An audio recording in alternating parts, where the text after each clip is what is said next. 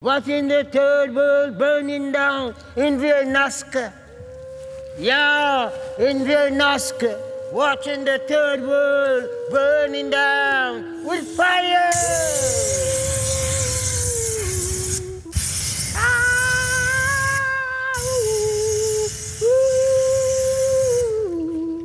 Fire and ice.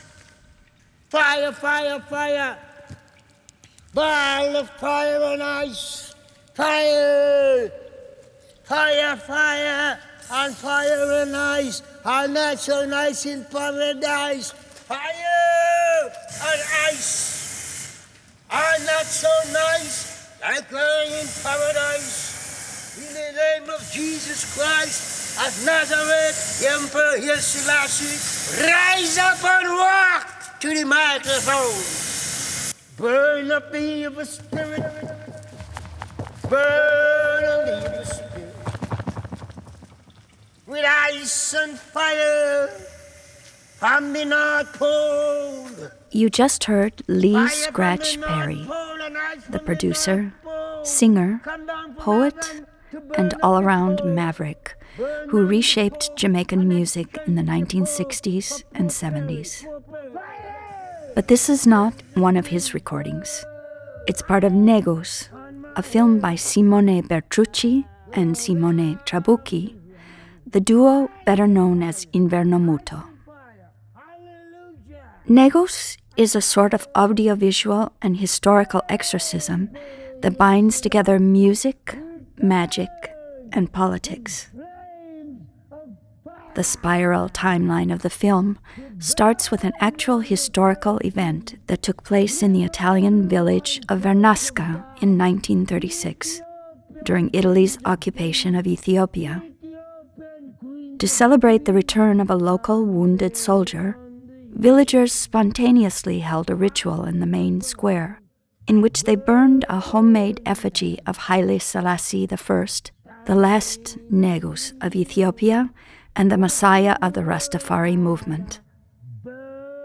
But that effigy is not the only thing that burns in Negus, and fire is one of the driving forces throughout the movie, which also includes fire as part of the shamanic counter ritual orchestrated by Perry in the same village square about 80 years later. And fire consuming his legendary Black Ark studio in the late 1970s in an attempt to get rid of what he called unclean spirits. All of this fits perfectly here because we're going to talk about burning stuff, entropy, and combustion and its remains, about brewing, boiling, cooking, and naturally about food. Alan Moore argues that the use of fire for cooking was the crucial turning point in the development of consciousness in prehistoric times, in what he calls the Great Paleolithic Bake Off.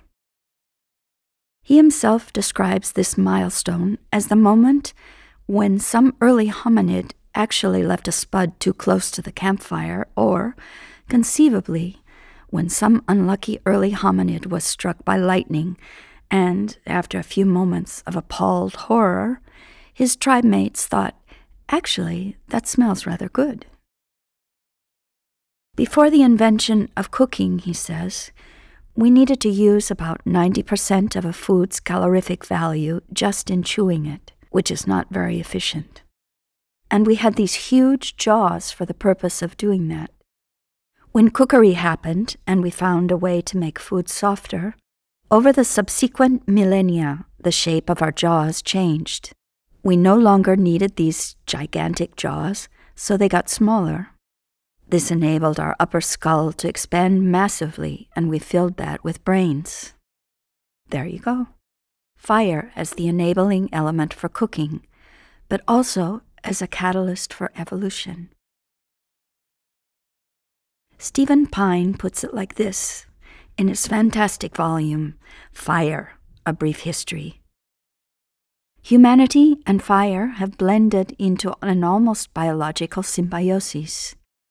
Nearly everywhere, fire has assumed a human face and become humanity's Pyrrhic double. Since the first tread of Homo sapiens, fire ecology has meant human ecology. When modern physicists developed our recent understanding of entropy, the combustion of everyday fuels, such as wood turning into embers, turning into ashes, was one of the recurring examples of the idea. Ashes are the ultimate illustration of irreversibility. You may be able to fix a broken glass, a bent umbrella, or a fractured bone, but once something burns to a crisp, there is no turning back. That's why the mighty phoenix, rising from its own ashes in the Greek mythology, is such a powerful image, such a compelling story, because it essentially means turning back the arrow of time and throwing entropy out of the window. It is that irreversibility that adds value to rituals involving fire. Flames are the element that imparts brutal entropy onto whatever is being enacted, celebrated, or symbolized. The infamous Disco Demolition Night in 1979, in which thousands of disco records were burnt in a Chicago baseball stadium as part of a radically racist and homophobic promotional event, the alleged human sacrifices in the Wicker Man burnings of Celtic paganism, fire sacrifice ceremonies across various Vedic religions, the Norwegian black metal church burnings in the 90s, the Catholic persecution of so called witches, heretics, and other dissenters burned at the stake throughout the Middle Ages, the recurring references to blood and fire in Rasta culture, which take us back to Jamaica. The list goes on. In fact, fire worship is among the oldest recorded forms of religion appearing to varying degrees as some sort of supernatural, extremely powerful entity in pretty much all religions, most likely due to the importance of fire in human culture since the lower Paleolithic.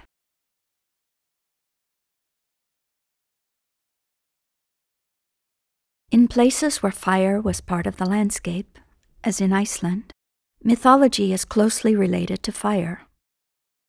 Iceland is a land of ice, yes, but also very much a land of fire, lava, and turbulent steam emissions that constantly remind its inhabitants that the world beneath this one is hotter than we sometimes like to think.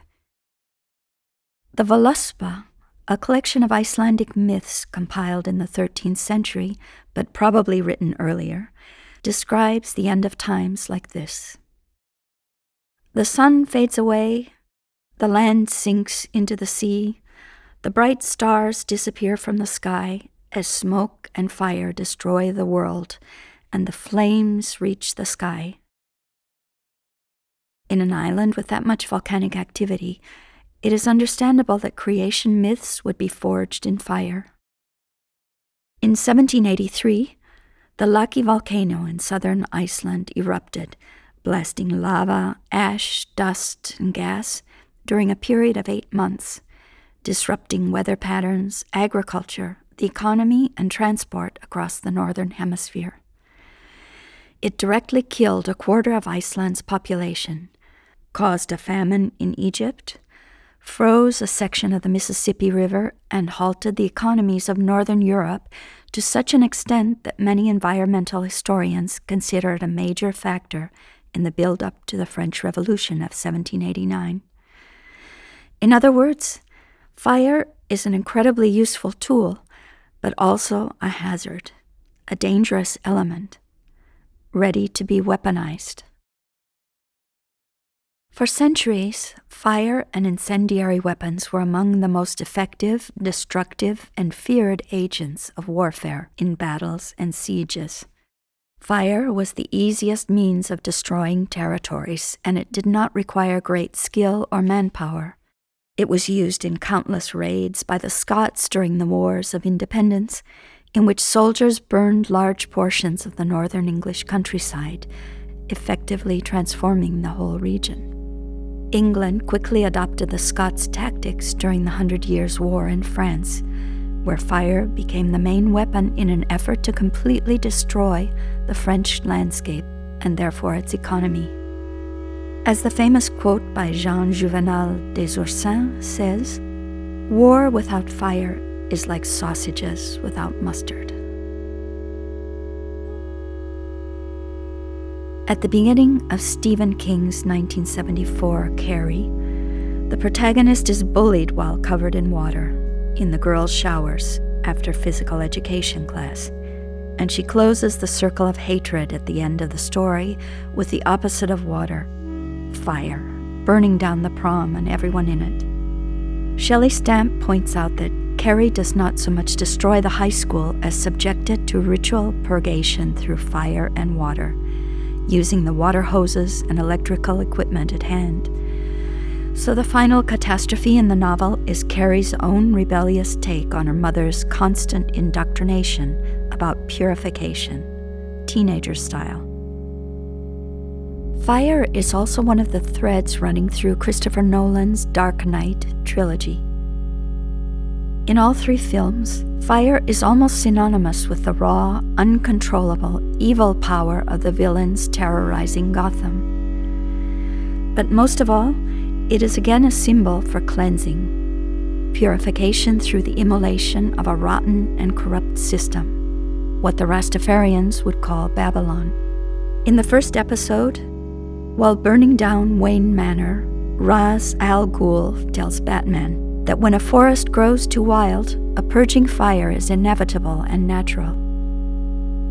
In the second movie, trying to account for the Joker's irrational behavior, Alfred tells Wayne that some men just want to watch the world burn, right before the Joker starts igniting the streets of Gotham.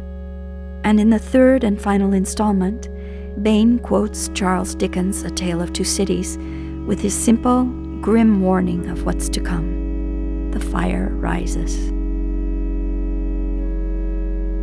Yes, it does, Bane, but only around these parts. On Earth, or any other large object with enough gravitational pull, fire points upwards. When a flame burns, it heats the atmosphere around it, causing the air to expand and become less dense. The pull of gravity draws colder denser air to the base of the flame, displacing the hot air, which, as Bane says, rises.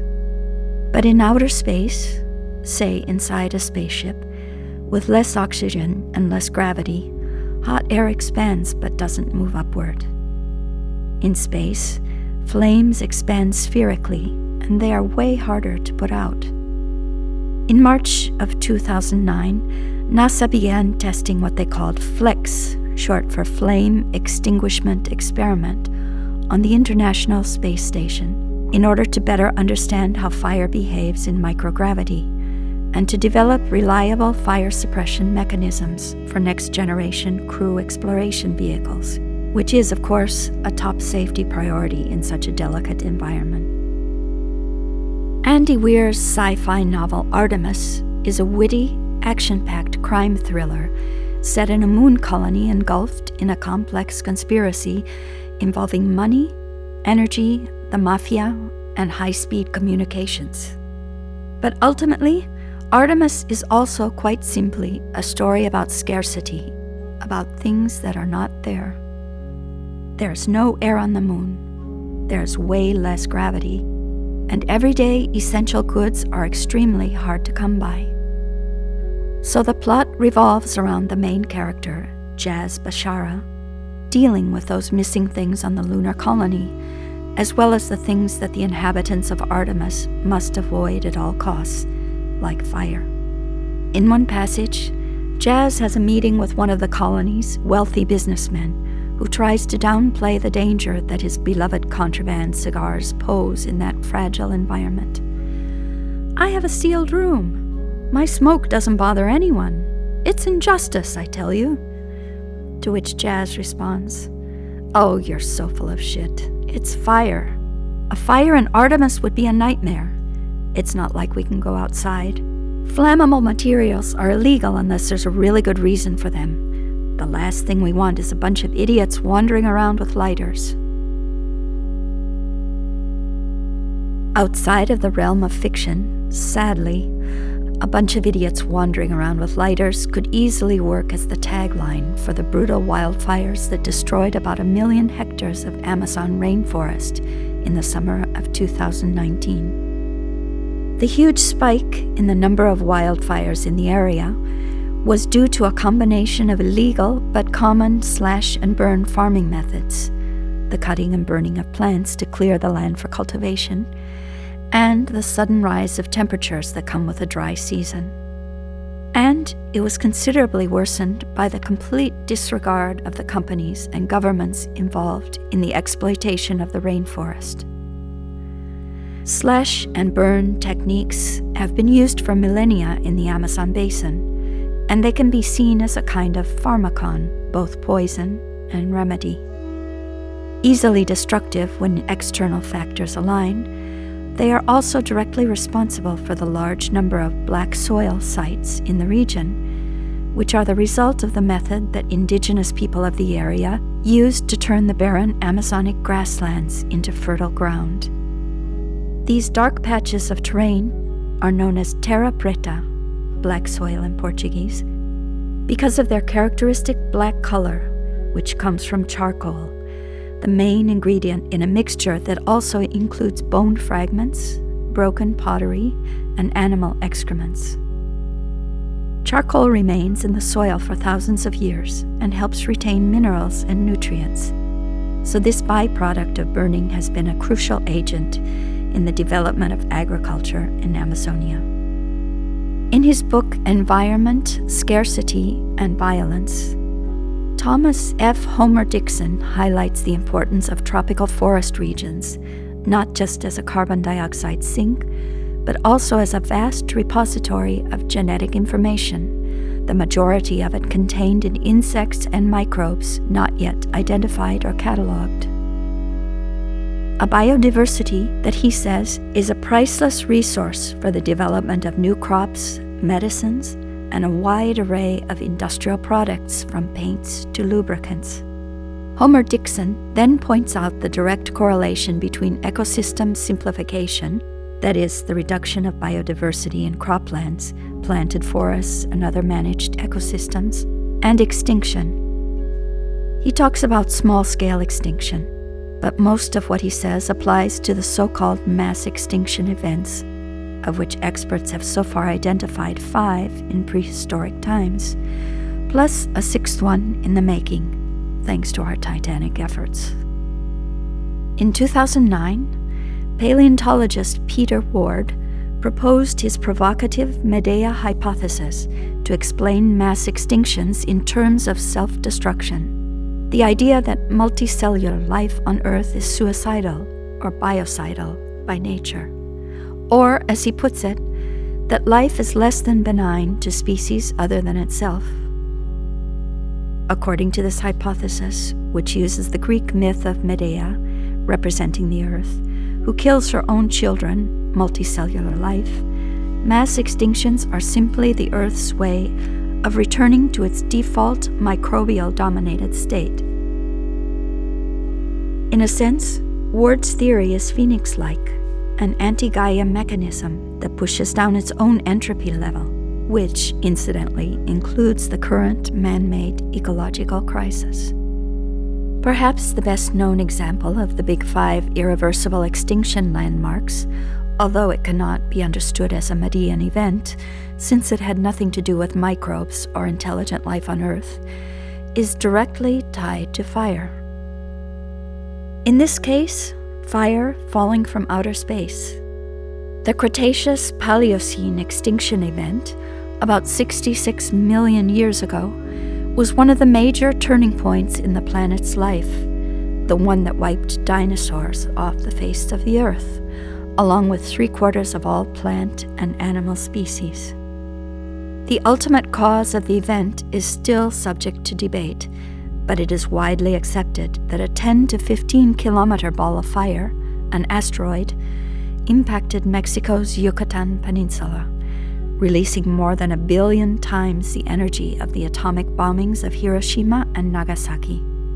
Short term effects of this massive fireball hitting Earth include large land surfaces incinerated by the heat pulse of the incoming projectile and the explosion, and the settling of dust and water vapor and oxidation of atmospheric nitrogen, with the subsequent ozone depletion. Once again, fire was one of the chief shaping elements of the planet.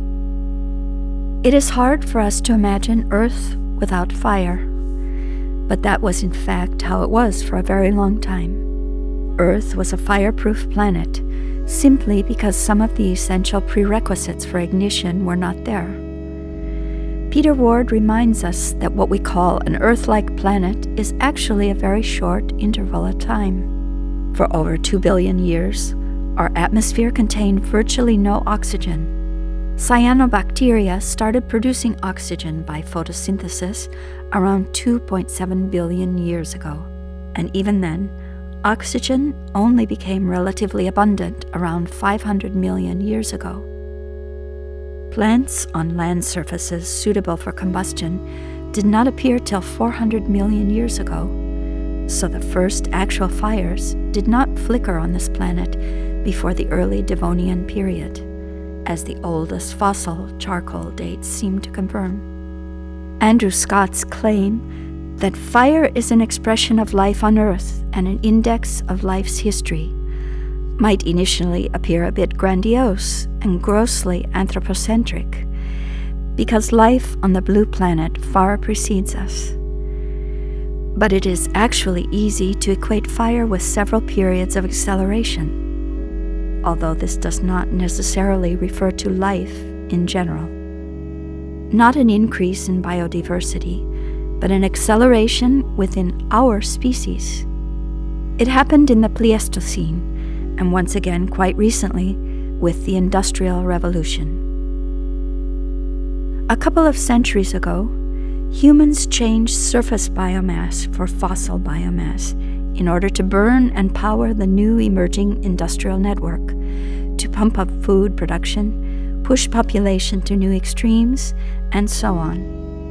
It is hard to imagine all of this without prepackaged industrial fire. So, Scott's description of fire as an index of life's history may not be as triumphant as it looks. Swiss artist Dave Phillips, one of our guests in this episode, says We can't exist without insects. They are crucial for our lives. Insects can very well exist without humans most other species can, so this is something we should think about. We talked to him about ecosystems in relation to his ritual protest musical practice. Also on this episode is Dutch writer and philosopher Rick Dolphijn, whose work on new materialism gravitates to food and his notion of the new elementary continuum. We talked to him about food, drink, and performance enhancing substances. But we kick things off with a conversation about ashes, burning, sexual dissidence, time arrows, and temporalities with Ecuadorian lawyer and thinker Diego Falconí.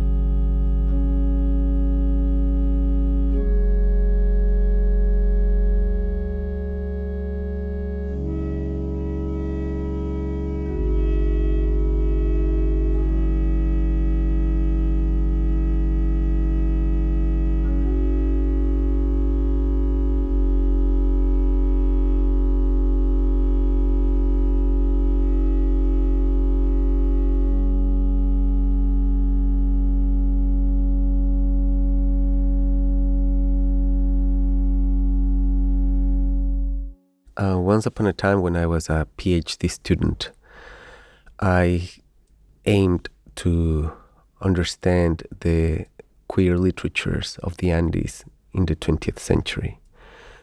But thanks to both uh, decolonial thinking as well as archaeological knowledge, I understood that it was impossible to grasp what, what happened in the 20th century if I didn't go back to the 16th century, to the arrival of the Spaniard conquerors to the Andes area. And uh, of course, I had to rely on texts because uh, as a literary theorist as well as a lawyer, I I needed writings in order to understand what happened.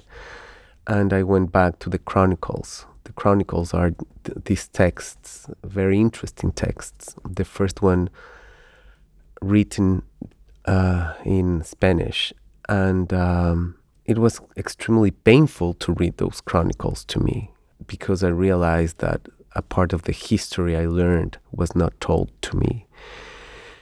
I also had to understand how these texts work because chronicles are both historical and fictional texts, and therefore there's history and literature in them. And it's really hard to separate both of them. In any case, I started reading the chronicles and I bumped into this episode that was repeated by five different writers, five different authors. And um, it was an episode in which the destruction of this uh, population called Puerto Viejo was told. And uh, the reason why it was destroyed was because they were sodomites, because they committed the nefandous sin. That that's how it was described back then. The destruction that I was telling you about was through fire. They were burned out, the sodomites, and not only the sodomites, but the entire the entire town was burned out. And of course, this had to be understood, as I was telling you, as history as well as fiction. And therefore, I had to research uh, on the legal normatives that were in place at the time. And in 1497, the king and the queen of, of Castile, they uh, passed a law that, I quote, said the, the following We order that anyone who has been caught committing the nefandous sin, wherever he is, he shall be burned in the fire. It was uh, interesting to understand, therefore, that the narrative I was finding in these in these texts actually had a legal basis, and the repetition of, of this fact um, in an epic way it made me realize that it was part of the conquest. And uh, one of the of the uh, writers, the authors, Pedro Gutierrez de Santa Clara, he said uh, they were burned out thanks to celestial fire, and therefore there is this mixture between religion as well as law, and it's easy to understand the use of this use of language, since the state was part of a monarchy which was a Catholic monarchy. Therefore, everything seemed to be logical. We cannot uh, say for sure that this happened as a historical fact, but we can say that it was very likely to happen. And uh, when I started reading more and more and researching more, I realized that the Sodomites, these people who were burned out, were actually not the same Sodomites that we found out here in Europe. Because the Sodomite from the Andes was seen as a cannibal. He was also seen as a monster, sometimes he was a giant. And this is very interesting and a key role that the Sodomite played in the narrative uh, of, of at the time is that he was associated to places in which gold was abundant. Therefore, there was a mythification of the sodomite as a person who had to be erased from the face of earth, as well as a person that was very rich. And uh, contemporary writers, contemporary theorists, such as Michael Horswell, he's a queer theorist who has researched a lot of the writings as well as some of, of the objects that indigenous people use at the time. He concludes that this personification of the sodomite was um, a justification to invade and colonize the Andes area. And feminist uh, theorist Silvia Federici also says that there are some interests uh, that try to make strong mercantilism at the time. Therefore, it was painful, as I was telling you, to, to read these things because I understood that somehow one of the reasons that the conquest happened, that this violent conquest happened, was because of the fear of sodomy. And therefore, it had to be erased. And the second thing that made me sad was the fact that since I come from Ecuador, we have a different uh, a different view on history than the one that is taught here in Spain, and we learned that um, there was not such thing as the discovery of the Americas, but as the, the real thing was a conquest. And we talk about, um, or my teachers uh, talked about destruction. They use terms such as genocide. But it made me sad that in all the years I learned this history in both my basic education as well as my college education, I never learned about the killing of the Sodomites. Therefore, I didn't, I didn't grasp, I didn't have the chance to understand that this genocide had gender motives. And it's something that yet is not being told anywhere in history. And I think it's very important in order to understand the real core of the violence. It's not only the violence uh, for money or for um, trying to impose a religion over another uh, population, but there's also gender reasons. And um, thinking about that is where the ashes came out. Because as a mestizo uh, person, I am a, a, a mixed between African, uh, indigenous, and white ancestors. I realized that this was part of my history that was not being told. These were not reference that I had in the past.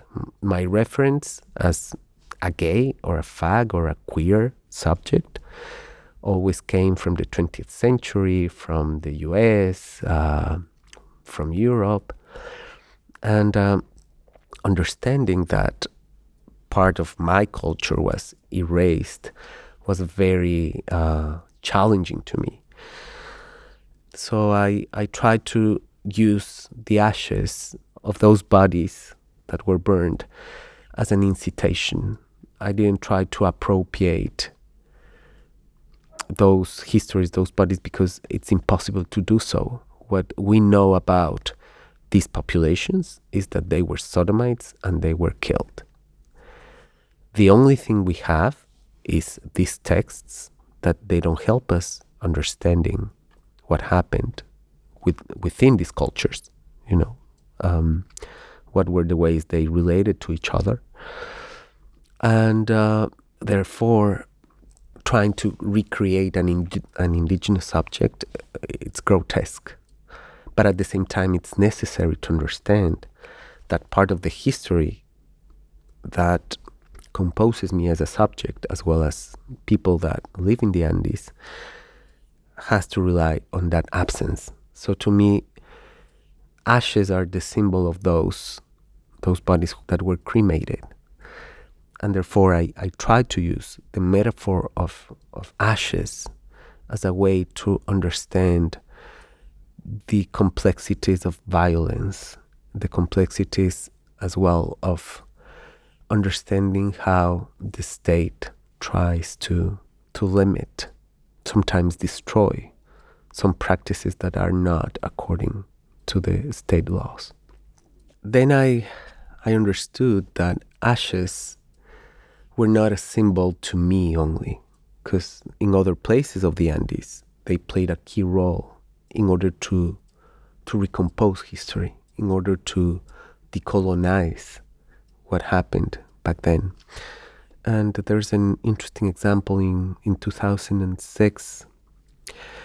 Different Aymara masters, Aymara leaders, tried to recompose the body of uh, a very important leader that his name is Tupac Katari. He was killed in uh, 1781 because he tried to organize a revolution, an indigenous revolution in what today is Bolivia.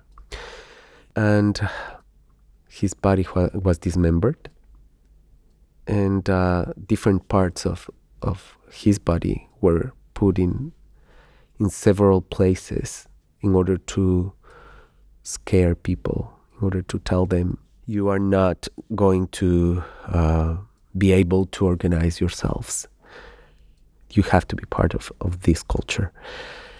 And uh, these masters in 2006, they used the judicial sentence and also through oral history, they tried to use ashes that they got from burning out trees to recreate how this body would be if it would come back to life.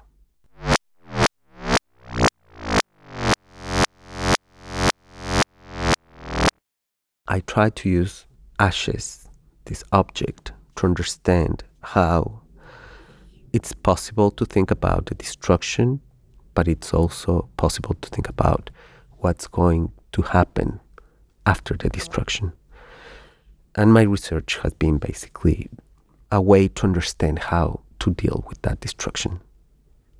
The destruction that happened in the Andes, and how to take contemporary identities as part of a complex dialogue nowadays. Sexualities, for instance, are not national anymore. We have sexualities that become globalized very quickly.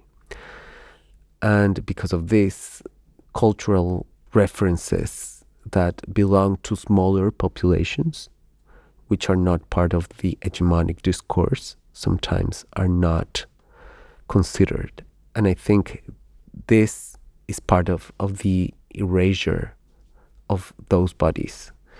But I think it's possible to take these ashes and recreate other identities, or at least try to to see how those identities are trying to become political. The example I was using uh, with Tupac Katari and these indigenous leaders of Bolivia, I think, uh, is a good example of how ashes can help not only to rebuild what was destroyed, but also to create a political discourse that sometimes helps actually to to recreate um, different identities.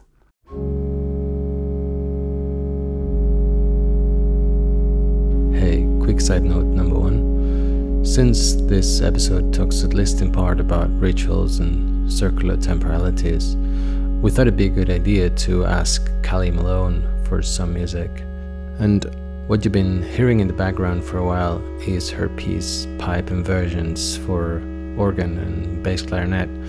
And it was recorded on a pipe organ tuned in the late 18th century temperament called uh, a Kirnberger 3. I asked Kali for some extra notes on the piece, and I'm going to read you some bits that seem especially appropriate here. She says, Although we may perceive the music to be changing, going forward, evolving, it is not. It is the same material sounding the entire time, like a rotating wheel where all spokes are perceptible, but at any given moment in a different place. The temporal structure is an isorhythmic canon, a repeating rhythmical sequence that is applied to repeated melodic sequence. The ratio of melodic variables to rhythmical variables is not equal, so therefore we hear a series of permutated cycles before the series returns back to its original starting point, culminating in a fractal structure. Which seems to me like the perfect preface to go into circular temporalities in the Andes with Diego again. So here we go. in the Andes, time is circular, unlike in, in the Western societies. in which history is linear. And since Hegel is not only linear but diagonal, it means that it starts in one point down and then it goes up. It's, it's a line that goes up. This is the notion of progress. And the indigenous populations of the Andes believed in a circular history, which was related, of course, to how the earth is perceived, especially in parts such as Ecuador or places uh, close to the, the equator, the, the line that divides the world into. You have 12 hours of sun and 12 hours of darkness. And therefore, the notion of circularity it's natural. It's obvious. If you have the same amount of light and darkness somehow you have a circular notion of time. But besides this there's a, a historic reason. It's not only something spiritual but it's something something political because a circle starts in one point and then goes back to the same point it's not like a line, which are two points far from each other that are together, drawn together by a line. And the circle is important in history because indigenous populations have been undermined so much. They are the true losers of history in the Americas, at least. Of course, Afro descendant cultures are part of, of this losers of history, and many scholars have reflected on this. What's interesting about this notion of of uh, the circle of circular history is that even if you are the loser of history now, in the future you're going to go up again, and you're going to close the circle, and who knows what's going to happen next.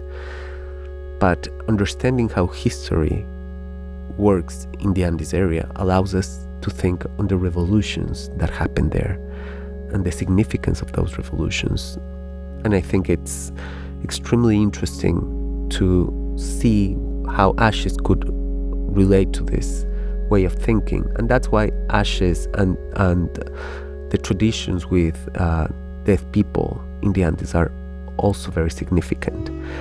In November, there's a tradition in which uh, it's possible to drink uh, this drink called colada morada. It's constructed by different fruits, which are uh, purple, and purple is the color of death.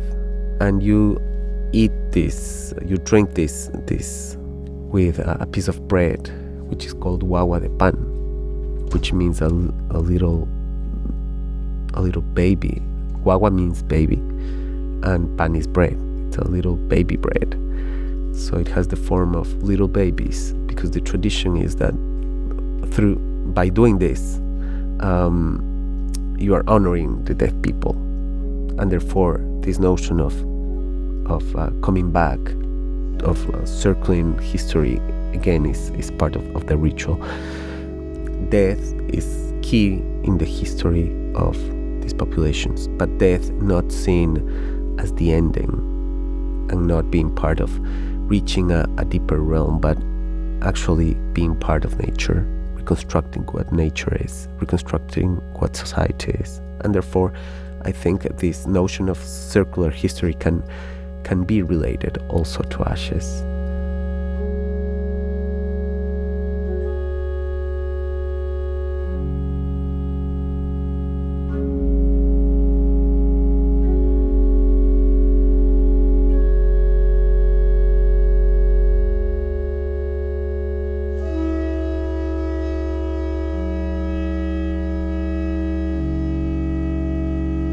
Gender, we learned that one of the things that we must attack in order to destroy this uh, uh, heterosexual patriarchy is binarism. We have societies in the Western civilizations that divide uh, reality into two things north and south, uh, nature and culture, um, dead and alive. And uh, w- what's important about this, as Derrida mentioned, is that they are not two realities that oppose themselves only, but they are built in a hierarchical way, meaning that the day, for instance, is more important than the night. And actually, the night is defined by day, meaning that nights are the absence of day. The same thing happens with uh, with the notion of women. As uh, Cixous pointed out, women are the opposite of men. Women are what a man is not. And that's what feminism has been trying to, part of, of, of, the feminist uh, movement has been trying to, to recreate is the notion of being a, an independent subject, not being part of a man, not the, the appendix of a man. And however, these interesting notions have to be understood in, in the complexity of, of a circular time, on uh, a division of, of realities which is not dichotomic but complementary. And this is related to circular time because circles they are more fluid. Masculine and feminine, for instance, in the philosophy of the Andes, are understood as two forces that are mixed and sometimes they complement each other. It's interesting to see, for instance, how intersex or trans people of the Andes understand this. They understand as forces that are part of a certain body. And that has been the way to explain these sexualities for a long time. Of course, I have to say that because of colonization, indigenous cultures have been very much oriented and very homophobic, let's say, because they were taught not to do this. And of course, there's patriarchy, and of course, there's there's also discrimination for gender within uh, several communities. But it's hard to to say that these cultures have always been that way, because these cultures were colonized. And I remember, for instance, uh, President Evo Morales saying this horrible phrase. He said that um, hormones were creating homosexuality. The hormones that were put into chickens by Europeans were creating homosexuality. Therefore, he was saying homosexuality is not part of the Aymara culture, of the indigenous cultures. And to me, that's a very colonized way of, of expressing uh, something. But the critical thinking in the Andes is trying to, to grasp these ideas, uh, these ideas of, of circular, of uh, not understanding dichotomies, but complement, but the, the, force of complementary um, concepts in order to describe different subjectivities. And to me, that's also very valuable in order to, as I was saying, to oppose this narrative of LGBT subjectivities as the creation of a reivindication for many people. I think it's important to go back to these concepts and understand how different communities and subjects can be uh, understood.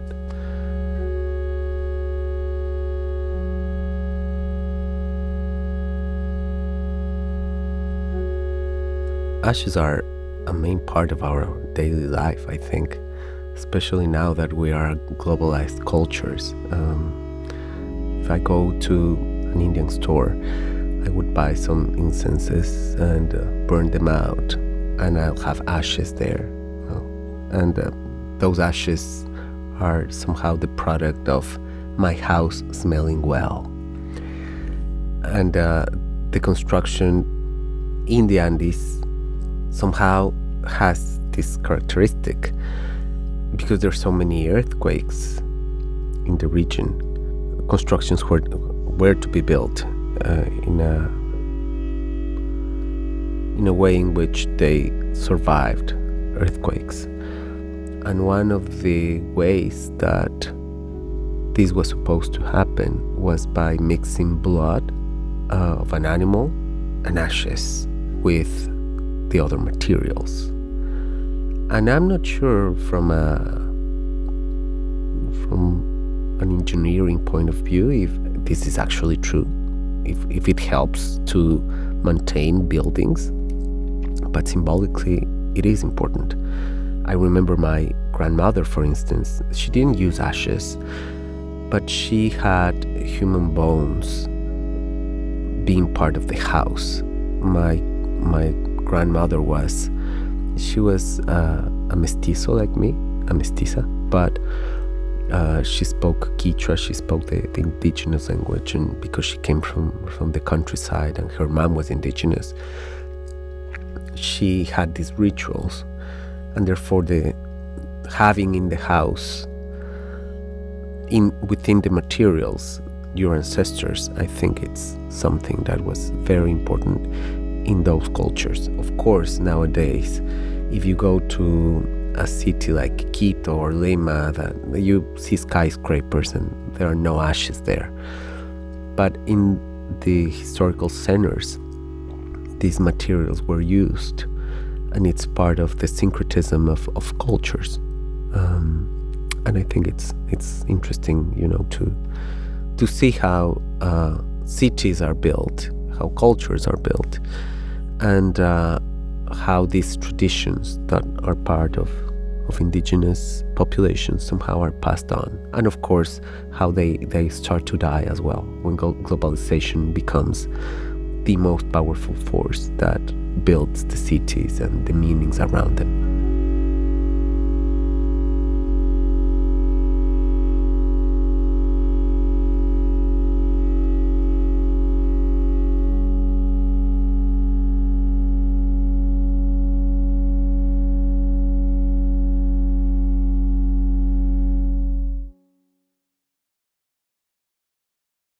Ashes became really important to me in the last few weeks. Actually, we, we were supposed to have this dialogue a few weeks ago, and I was unable to do so because my brother was killed. Um, he was killed in Colombia. I had to fly and go there in order to, to deal with his death, which of course has been very painful to me and my family. And uh, since I'm a lawyer, I was the one who was in charge of of doing all the paperwork with the police and and uh, other organizations that exist in Colombia since it's a country marked by violence. And uh, my brother wanted to be buried in Ecuador, not in Colombia. And he also wanted to have his body cremated and his ashes spread out in different parts of Ecuador. So I wanted to follow his his will, but I was unable to do so because uh, the police in Colombia, uh, a special police called Gaula, told me that by law, a body that was assassinated was not able to be cremated and that the body that the body of my, my brother had to remain in Colombia for three years for research. And of course, this is understandable. They were trying to to solve the the, the, the homicide of, of my brother. But somehow I felt like part of a Greek tragedy, like um, Antigona, that was unable to bury her brother in her land as, as she wanted to. And I realized how ashes, which are a very important part of my life, of my culture, were unable to get because of the normative laws, because of the laws basically of, of a country. And this at the end showed me again how um, bodies are controlled, how they are used also by the state and, and by different laws. And uh, this relation of how how to use the body, how to deal with death, is still part of, of a state. I think it's important to think in possible ways, in other ways that we could use ashes and in ways we could take the power of the state to decide what to do with our bodies. I understand they are necessary there are necessary laws. But I also understand that the power that the state has over our bodies all the time, even when they are dead, is way too much, is way too powerful. It's grotesque. And my research, which, which started trying to understand what happened 500 years ago, somehow it's still linked to what happens today, how it's controlled by the state, by the government, by laws that sometimes can be just. Because I think with my brother, this is understandable, is reasonable, but sometimes they are not.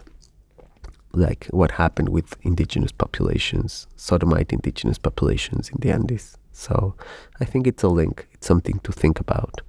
I don't have an answer, or a solution, but I think it's something that we must think about and the power of the ashes that I think scare. They are they, they are the remainings of a body, but they are also scary for some given powers and that's why they, they don't want them to to be put in that place.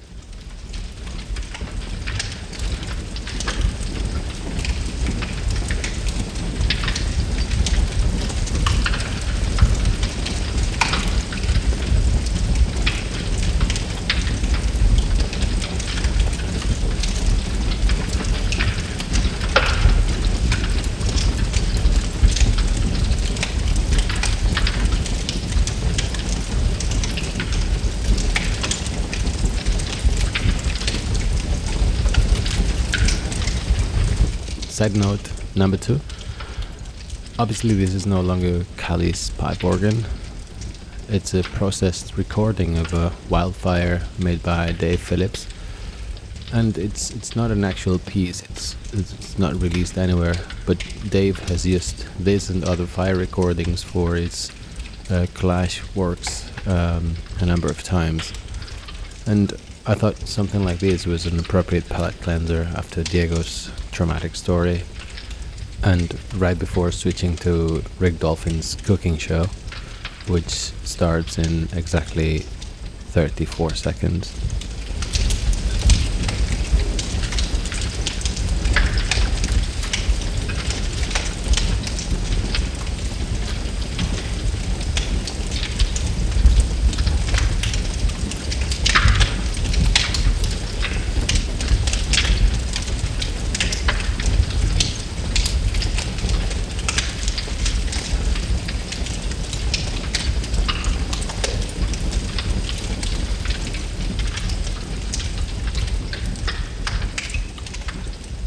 From the start of my um, academic career, from my, I, I, hate the word academic career. Uh, I really hate the word academic career. Let's cut that out, right? It's like, fuck it. Um, I've been interested in the alimentary for a really long time. Actually, that's how I started writing publication in 2004 was called Foodscapes. Uh, it was really about how how we can rethink the world according to the alimentary. Um, and I've been publishing about that ever since. Uh, actually, there's now a European project which I'm involved in, which supported by uh, the it's a HERA fund.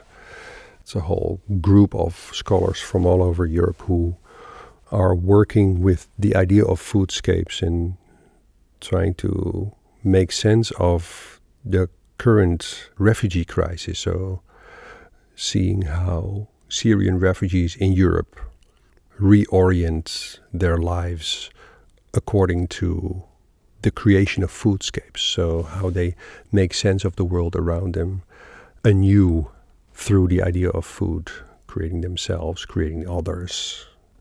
Really thinking about the human and the non human factors in the notion of self and selfhood.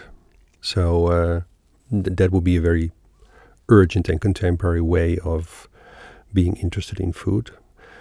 I think that uh, because our history of thought has been so much involved in the human perspective, so solely the human perspective, and has for some reason not been focusing on things and, for instance, on food and on the material reality with which we had to cope.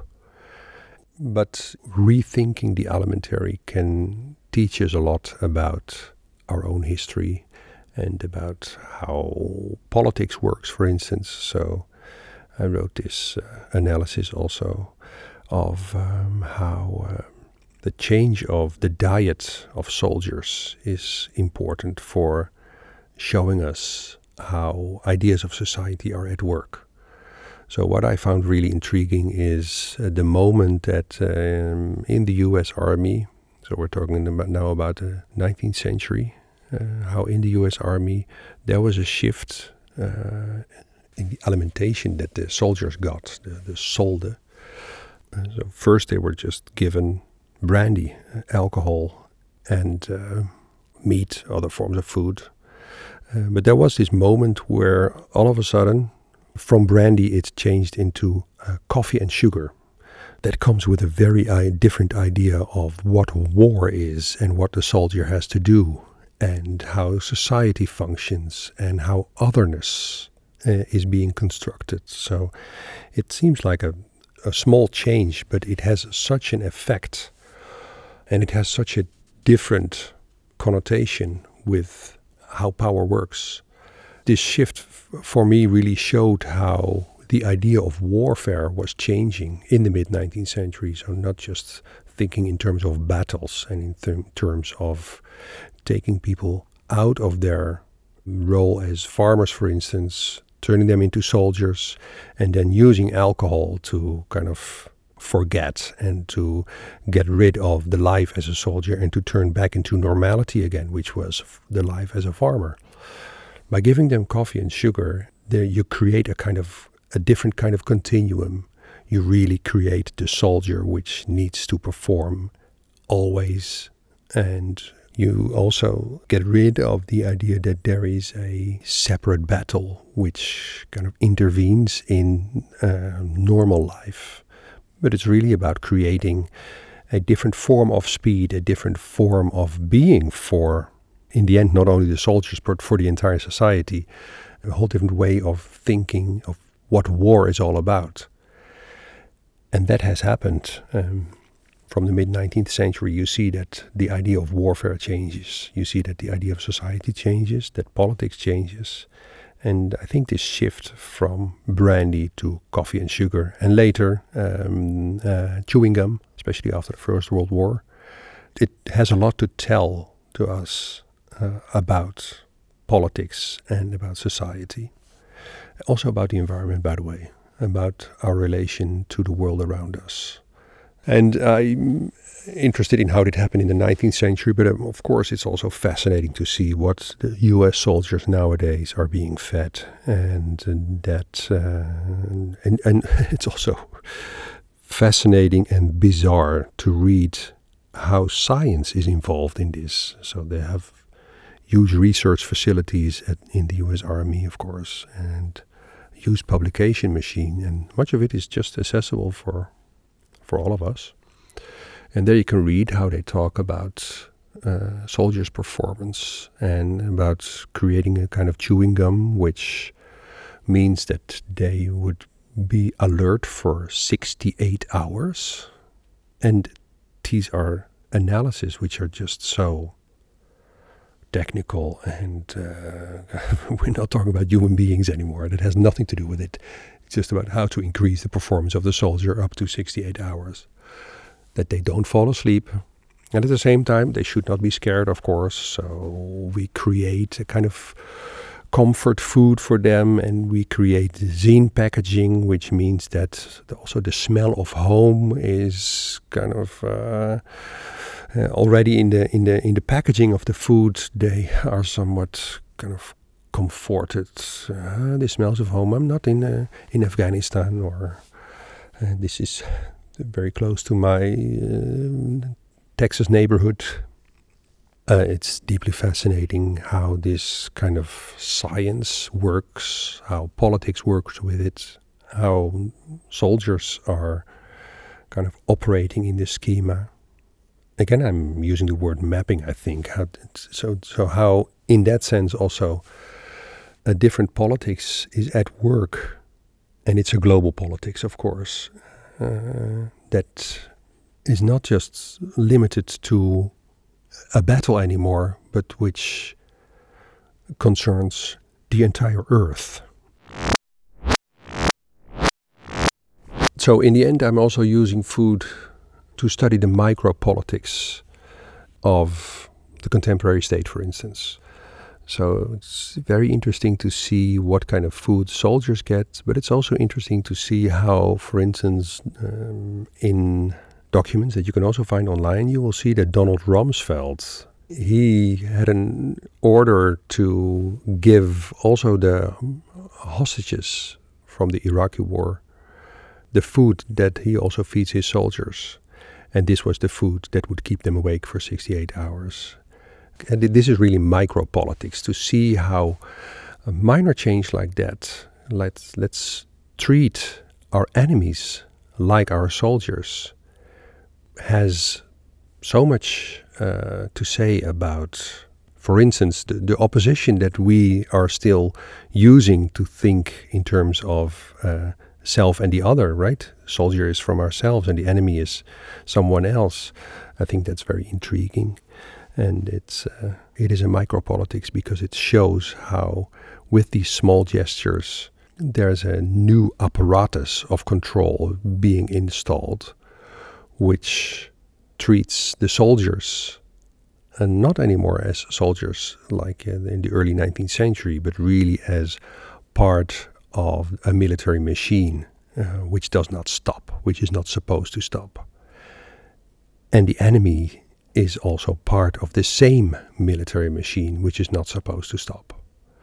And in the end, one could question even the opposition that we still make between uh, the soldier and the civilian, which was still there when, in the early 19th century, we were giving them brandy in order to calm down, in order to go back to their normal uh, peasant life. That has changed completely. Um, the soldier is not someone who's taking out of his uh, life in order to fight in a battle and then return. It is a continuous system of control, which is not limited anymore to notions of selfness or otherness or notions of the soldier and the civilian. It is a complete system in that sense. And as said, just looking at these micropolitics, at how food is being used by the state and how science also works with that. I mean, we should not underestimate the role of science here. Uh, we should be very critical about it, by the way. Uh, shows how uh, these new alimentary regimes have been realized over the past 100 years. In every urban environment, you see these trendy uh, coffee shops emerging everywhere that is politics at work. Uh, I mean, we cannot distinguish this from neoliberalism. We cannot distinguish this from the way capitalism has taken over and demands us to speed up. So, again, I come back to the way in which uh, coffee is different from brandy. And uh, in that sense, the history of alcoholism is also very, very interesting to see how in the 19th century the whole rise of spirits had an enormous impact on society and also came up with the politics of repression and came up with a different idea of what the government can do in terms of making sense of society according to their own perspective. So to see in what way brandy and coffee kind of change position and how this is strongly connected to the rise of contemporary or late capitalism and how this is connected to the whole idea of neoliberalism. Just go to the coffee shops and see what's going on there and who is there and the kind of speed that, that comes with it. And it's not just in cities of Bar- like Barcelona, it's all over Europe. The inner cities are kind of reinvented in that sense. So inner cities are now for shops and for coffee uh, bars. Go to uh, uh, a city center in the 19th century, in the early 19th century, and th- there's a very different idea of the inner city there. You can study the rise of capitalism by looking at stock exchanges, which is, uh, well, I don't find it very, very appealing. Uh, from a materialist perspective, it is really interesting to see uh, what coffee does and the whole scene around it and how it overtakes the city and how it is linked to work. Of course, coffee and work is a very nice combination. Brandy and work is not a very nice combination. Why is that? So, that's a new materialist perspective on how life works in the 21st century.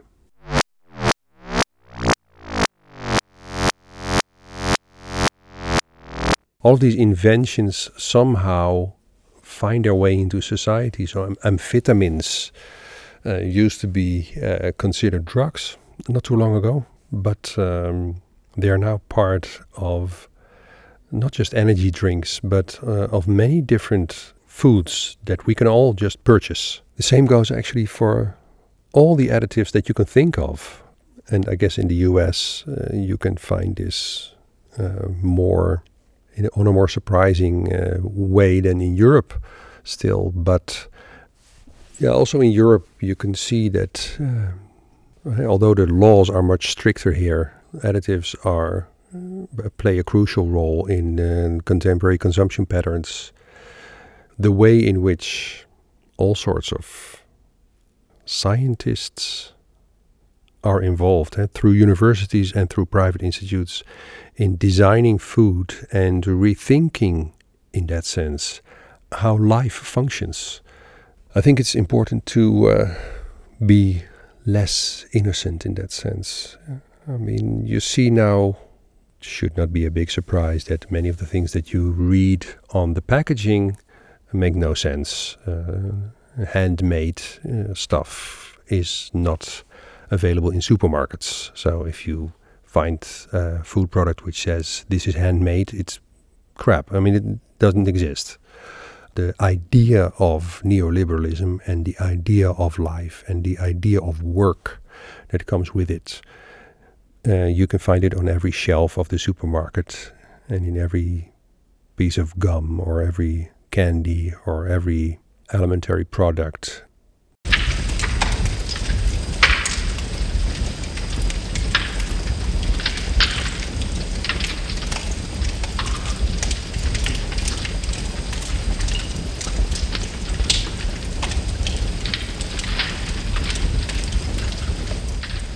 Side note number three. In 2010, Dave Phillips released an album called Insect, which was a pretty full on super edit of many insect recordings made in several islands and national parks in Thailand in 2001. In the liner notes, he talks about insects, of course, but also very much about food, so I thought it made for a good transition between Rick's culinary show and Dave's bit on species and ecosystems and so on. So here's a quote from the liner notes. Insects are important, vital for us, mainly for their services, the most apparent of which is pollination. Plants fall back on animal assistance because they cannot move freely. Insects pollinate a vast amount of plants, especially those important for us. fruit bearing plants as well as vegetables, as well as onions, garlic, and chili, coffee, tea, cocoa. The soybean doesn't require pollination, but visits by bees and other pollinators increase its fruit bearing abilities and resistancy and improves the harvest.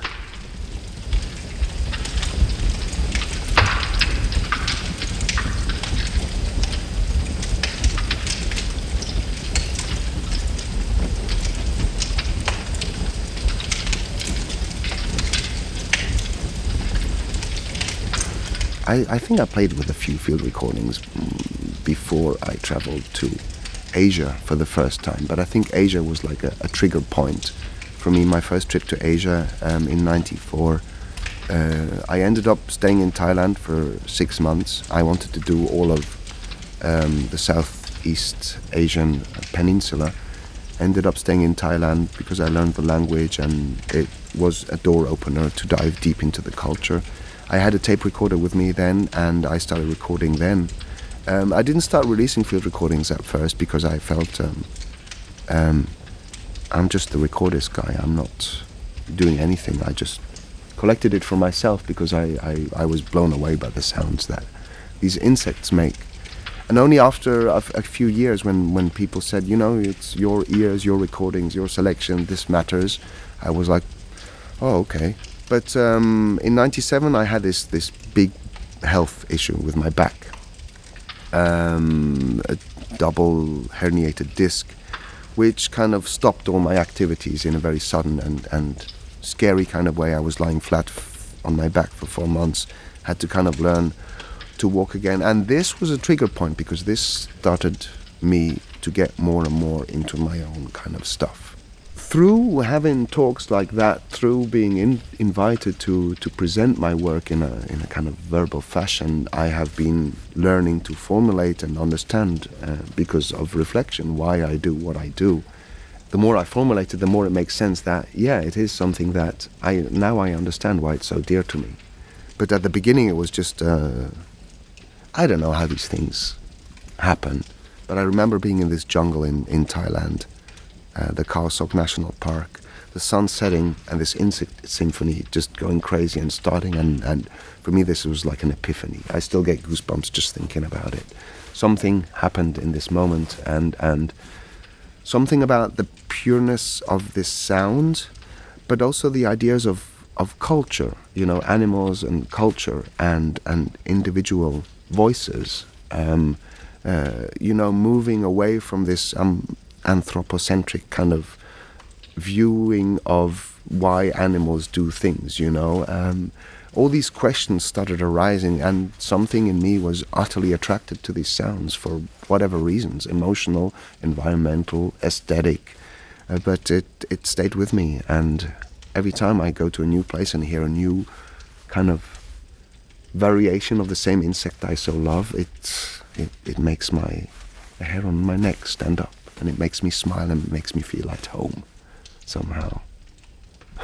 I mean, when you start kind of intellectualizing it all and analyzing it all, there's there's so many aspects that come into play. And I, for example, the uh, difference between hearing and listening. You know, uh, the idea of sound as a language, uh, a language that is unlike the human verbal language. It's not based on, let's say, rationality or logic, or it doesn't have this systematic, yeah, systematic kind of approach of of understanding the world, of perceiving the world, of having to use terms to categorize things, and and any word that uh, categorizes things will automatically be a reduction of something that in the end is much bigger. And for me, sound, insect sounds, insect qualities, the sounds of nature broaden this idea of what language can be and should be, and with that also comes the um, the way how we perceive the world. I think listening in an environmental context, for example, um, paying attention and trying to understand what nature is telling us, I think would make us a little bit more sensitive towards how we deal with nature instead of just, you know, taking and using it as a resource um, if we understood it better, we would realize that we need to take care of it. I mean, this kind of knowledge is, is becoming more and more apparent nowadays based on uh, uh, climate scientists and, and statistics and all these kind of things, but uh, the kind of language has been there for a long time, you know? Uh, floods, tornadoes, uh, rising sea levels, uh, warming of the waters, all these things is, is, is, is based on vibrations, is based on how things come together, is language, you know? And this is for me exemplified in a very kind of aesthetic way through through insect sounds. Nowadays, as as we know that insect species and insect populations are dying out at an alarming rate, uh, there's a new uh, dimension that has has become apparent in in this documenting of these of the natural world and also in what they are probably trying to tell us. You know. Um, we can't exist without insects. They are crucial for our uh, uh, lives. Insects can very well exist without humans, though. I think most other species can. So this is something we should think about. This is something that is part of what I try to mediate between the recordist in the jungle, in the natural um, environment of, of these uh, beings, uh, that I mediate in the human context that I work in, in the urban environment where I present my work and the concert places and the humans I interact with, this mediating is, is, is another important aspect. And then there's the idea of, uh, you know, the human being thinks he's uh, kind of like the master species, and we. Uh, uh, you know, until, I don't know, 30, 40 years ago, biologists and scientists used to, for example, categorize animal vocalizations in two groups. Like one is territorial, the other one is to attract the female, completely omitting that um, maybe these uh, animals have culture too. Maybe they celebrate life. Maybe they sing. All these kind of things. And, and science and biology has proven us over the years that all the treats that we used to think are uniquely human are not so.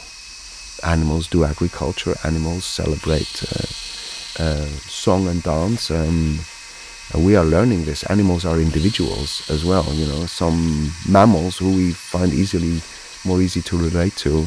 Uh, we know that there's some types of the same species that can be very shy and uh, introvert, and others that can be very audacious and extrovert. So, all you know, our understanding of of these beings um, is growing too.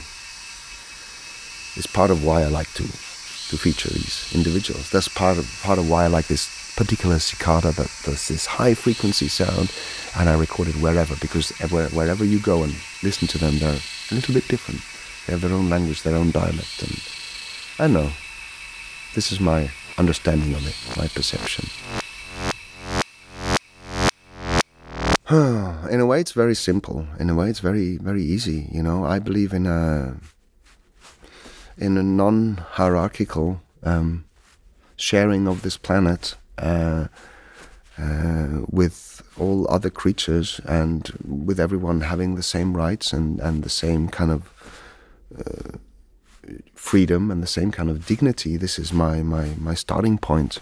Um, uh, unfortunately, I live in a reality where uh, I see a lot of disrespect, a lot of uh, freedom taken for granted because we fail to understand what our actions imply. Uh, this is something I, I it always concerned me, always worried me, always seemed like a weight on my shoulders. Like, you know, how can people easily, so easily accept this suffering and this pain that we inflict on the planet and on other creatures and on other human beings? Um, so this was always like a starting point in in maybe it's romantic, maybe it's utopist, maybe I'm a dreamer, but for me this has always been an ideal. I mean, you know, I see the human in the same way. I see a child you know, uh, with with the freedom and, and the liberty it has in its mind, and then I see the educational thing happen, and and the perception of this child's uh, world is is reduced to this categorical naming kind of way of relating with people around us and and the way we understand the world, where it's like this restriction, this reduction of life is what my ritual protest music is speaking out against. It's like uh, the reality I'm living in is makes me go like, hello, uh, there's there's got to be more to life than this, right? Um, um, freedom, expression, um, peace, uh, how we relate to each other, all the differences that, that create these great, interesting individuals. That's uh, that should be a source of interest. Okay, we can, we're all teachers and and students at the same time. We can teach each other. We can learn from each other. This is the way I would like to deal with my environment. You know, with with with a good intention. But but look at this world nowadays. The uh, governments, corporatism running the whole show because of this very simple drive for more and more material. I don't know. It's kind of obvious that this doesn't make people happy. I mean, are they all stupid or what? I don't get it. You know, rather than this this idea of sharing, of taking care of each other, taking care of the planet. I mean, this is my my driving force. This is what makes me do what I do. This is what makes me criticize and speak out.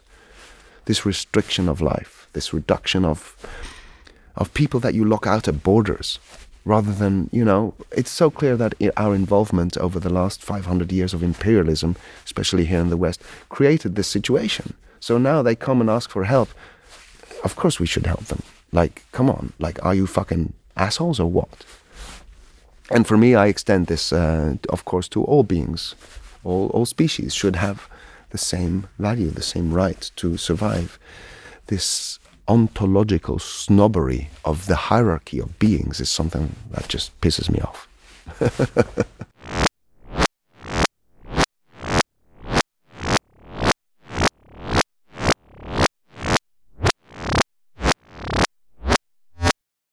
I think everything that vibrates can connect us in a way, can transmit information, can be an influence in, in the way that we understand the world. However, there's so much data out there that our brain will never be able to formulate this, categorize it, and transmit this in a, in a way that would do justice to all the information is out there. So we need to use our other senses to create a whole bigger picture. This is my my approach. These senses maybe are a little bit under undernourished, undernurtured, but at the same time, I think the human being is seeing the evolution of the planet and life on Earth. Um, we're a very young species. We're, even though we have amazing skills and uh, a huge potential, I do believe that we're still at the more at the beginning of our evolution than at the end of it. When I look at what humans do to this planet and humans do to each other, I think often that's pretty stupid. But uh, then, you know, infants need to learn, need to grow up, need to find their own language, need to find their place within the bigger whole, understand the bigger whole until we can find a kind of level of of dignity, of, of balance. And I think in this aspect, the other senses that make us human, utterly human, need to be developed a bit more, need to be nurtured a bit more. Rationality is overestimated. Logic is overestimated. This for me has its roots in, in male oppression exemplified by uh, 2000 years of Christianity, for example you know, the whole feminist movement for, for me, it's like, it's about fucking time this shit is happening. Come on, how long uh, how we have to deal with this unbalanced kind of system? I mean, come on. All the minorities that are getting their voice, this is, yeah, okay, this is going in the right direction. We are seeing that the differences is what makes us together, you know? I think, for example, when people meet and fall in love, it's not what they say to each other that matters so much. It's maybe more the sound of the voice that matters and the smell of the other person that matters.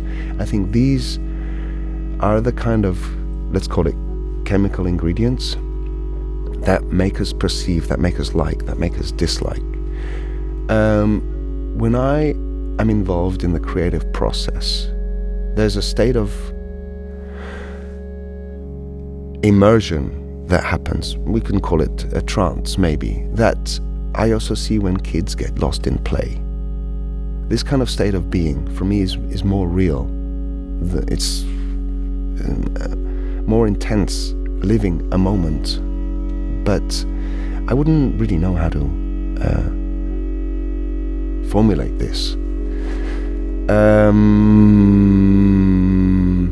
there's things of you know there's electromagnetic magnetic fields out there there's these moments where you know you're thinking of someone and the phone rings and they're on the phone. There's um, um was it? Dune i let, read two years ago frank herbert uh, which is classified as science fiction like philip k. Dick which is also an author i really like. But they use what i call the human potential to talk about beings with sensory perception that i think is is in us. We just have to develop this this way of of, of understanding the world. You know, I think it's in us. Um, like I said, I'm not sure what exactly to call them because I, I my approach is not scientific. Uh, I'm not an academic. I'm not a, a studied person. But I know there's things out there that make us perceive in ways that are broader than what we are told, than what we are taught you know. And I'm not talking paranormal, um, um, uh, divine kind of things. I'm talking about very graspable things that maybe our mind and our understanding or uh, knowledge of the world is just not ready yet to formulate. That doesn't mean that it doesn't exist. Empirical um, studies, it's it's like again for me, it has its value in its own, but it's a, usually a reduction of something that probably there's more than than we know than we, than we are told. These kind of senses, I'm not sure what to call them. Um, I probably used parentheses uh, around the term nature because usually when we use this word, we see it as something separated uh, that we view from the outside. Um, my view is different. We are part of this. We, we, we, are, we are nature. We are part of nature uh, which doesn't necessarily mean we have found our perfect position yet, but it is not something that should be viewed from the outside in a, in a studied, observed kind of sense, even though all these aspects are very interesting and we can teach us a lot, but we have to view ourselves as part of a bigger whole. This is why I use, probably I use these parentheses. And also because when we say nature, obviously our, our, our way of referring to this has to do with our very anthropocentric uh, uh, viewpoint, which um, I don't know. Sometimes uh, I'm very doubtful of, of biology and and and the sciences because so much is based on interpretation, and interpretation is informed by education, which is informed by um, our way of perceiving and understanding the world, which is mainly informed in the last 2,000 years by white males. So for me, this is a reduction. It's not the whole picture. It's part of a picture, which in itself is might be valid, but it's far from being complete. So, yeah, I think those are the two reasons why I did this parentheses sign. Our understanding of what we are part of has been growing a lot in the last 30, 40 years, I would say. Um, our understandings of our actions in regards to how we deal with nature since, let's say, the Industrial Revolution is becoming more and more clear. I think the whole concept of an ecosystem is becoming more and more clear how these things work together, why even animals that people associate you know, with negatively, like let's say sharks or snakes or spiders, are important within the bigger picture and how they should be viewed, rather than these scapegoats for our own, you know, nightmares. The idea of ecosystem, I think, is, is very, very important in our basic understanding of, of what we're dealing with. And I think ecosystem is a word we should uh, attach also to social tribes or even to our own body, how things work together. When you get ill, it's never just that, that this, this mechanical Western approach of, okay, you have that. It's usually things working together. Everything is an ecosystem at the end of the day.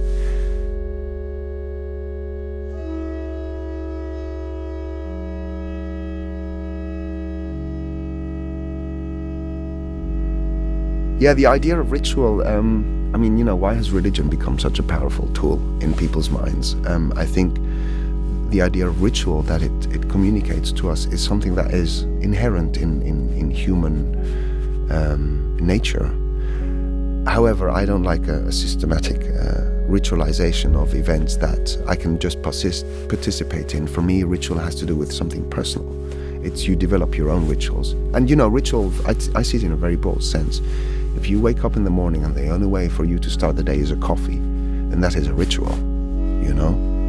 Uh, standing by the window can be a ritual too, you know? Things that you do that connect you to your new day or to your environment that you do out of a regularity that maybe it's not so easy to formulate why you do it, but you know it's it's something there that makes you feel good. These are rituals, you know. I a ritual for me is also celebration, a celebration of of, of existence, of life.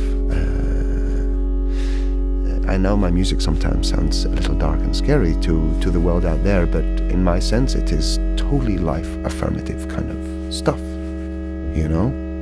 Uh, in this sense that the ritual is about maybe purging, about liberating, because I mean ultimately my music is a channel for me. It's it's it's connected to how do I deal with the world I live in? How do I deal with the mind I live in? How do I deal with the heart I live in? Music is, is a good channel. I'm so happy I found it because otherwise I probably would be much worse off. Uh, but then what happens within this and how this goes out and how this is expressed and the form it takes, sometimes I feel I have little control over it. You know, I, I, I think I'm a kind of an optimist person. I, I, I'm a naive, gullible person. I believe in the good in people. I, uh, I love beauty. I love aesthetics. Um, but at the same time, my music comes out in the way it does. You know, what does that tell me? I've been trying to understand this for years. I'm, I'm not really sure how to explain it. Maybe in the sense of a shamanic healing ritual where you have to first name the evils in order to purge them. Because I think purging is an aspect of, of this ritual protest music that I'm doing that is informed by the world I live in. You know, it's it's a releasing of negative energy to give space for something more positive, something more life affirming.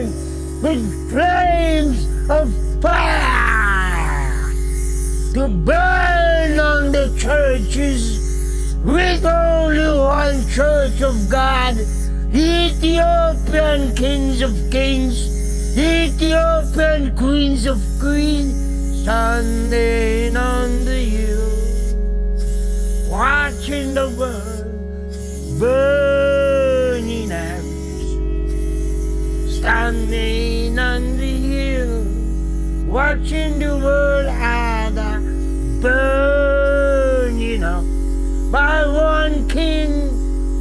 kings, one gods of gods, and one AD, one BC, one DC, and one BBB.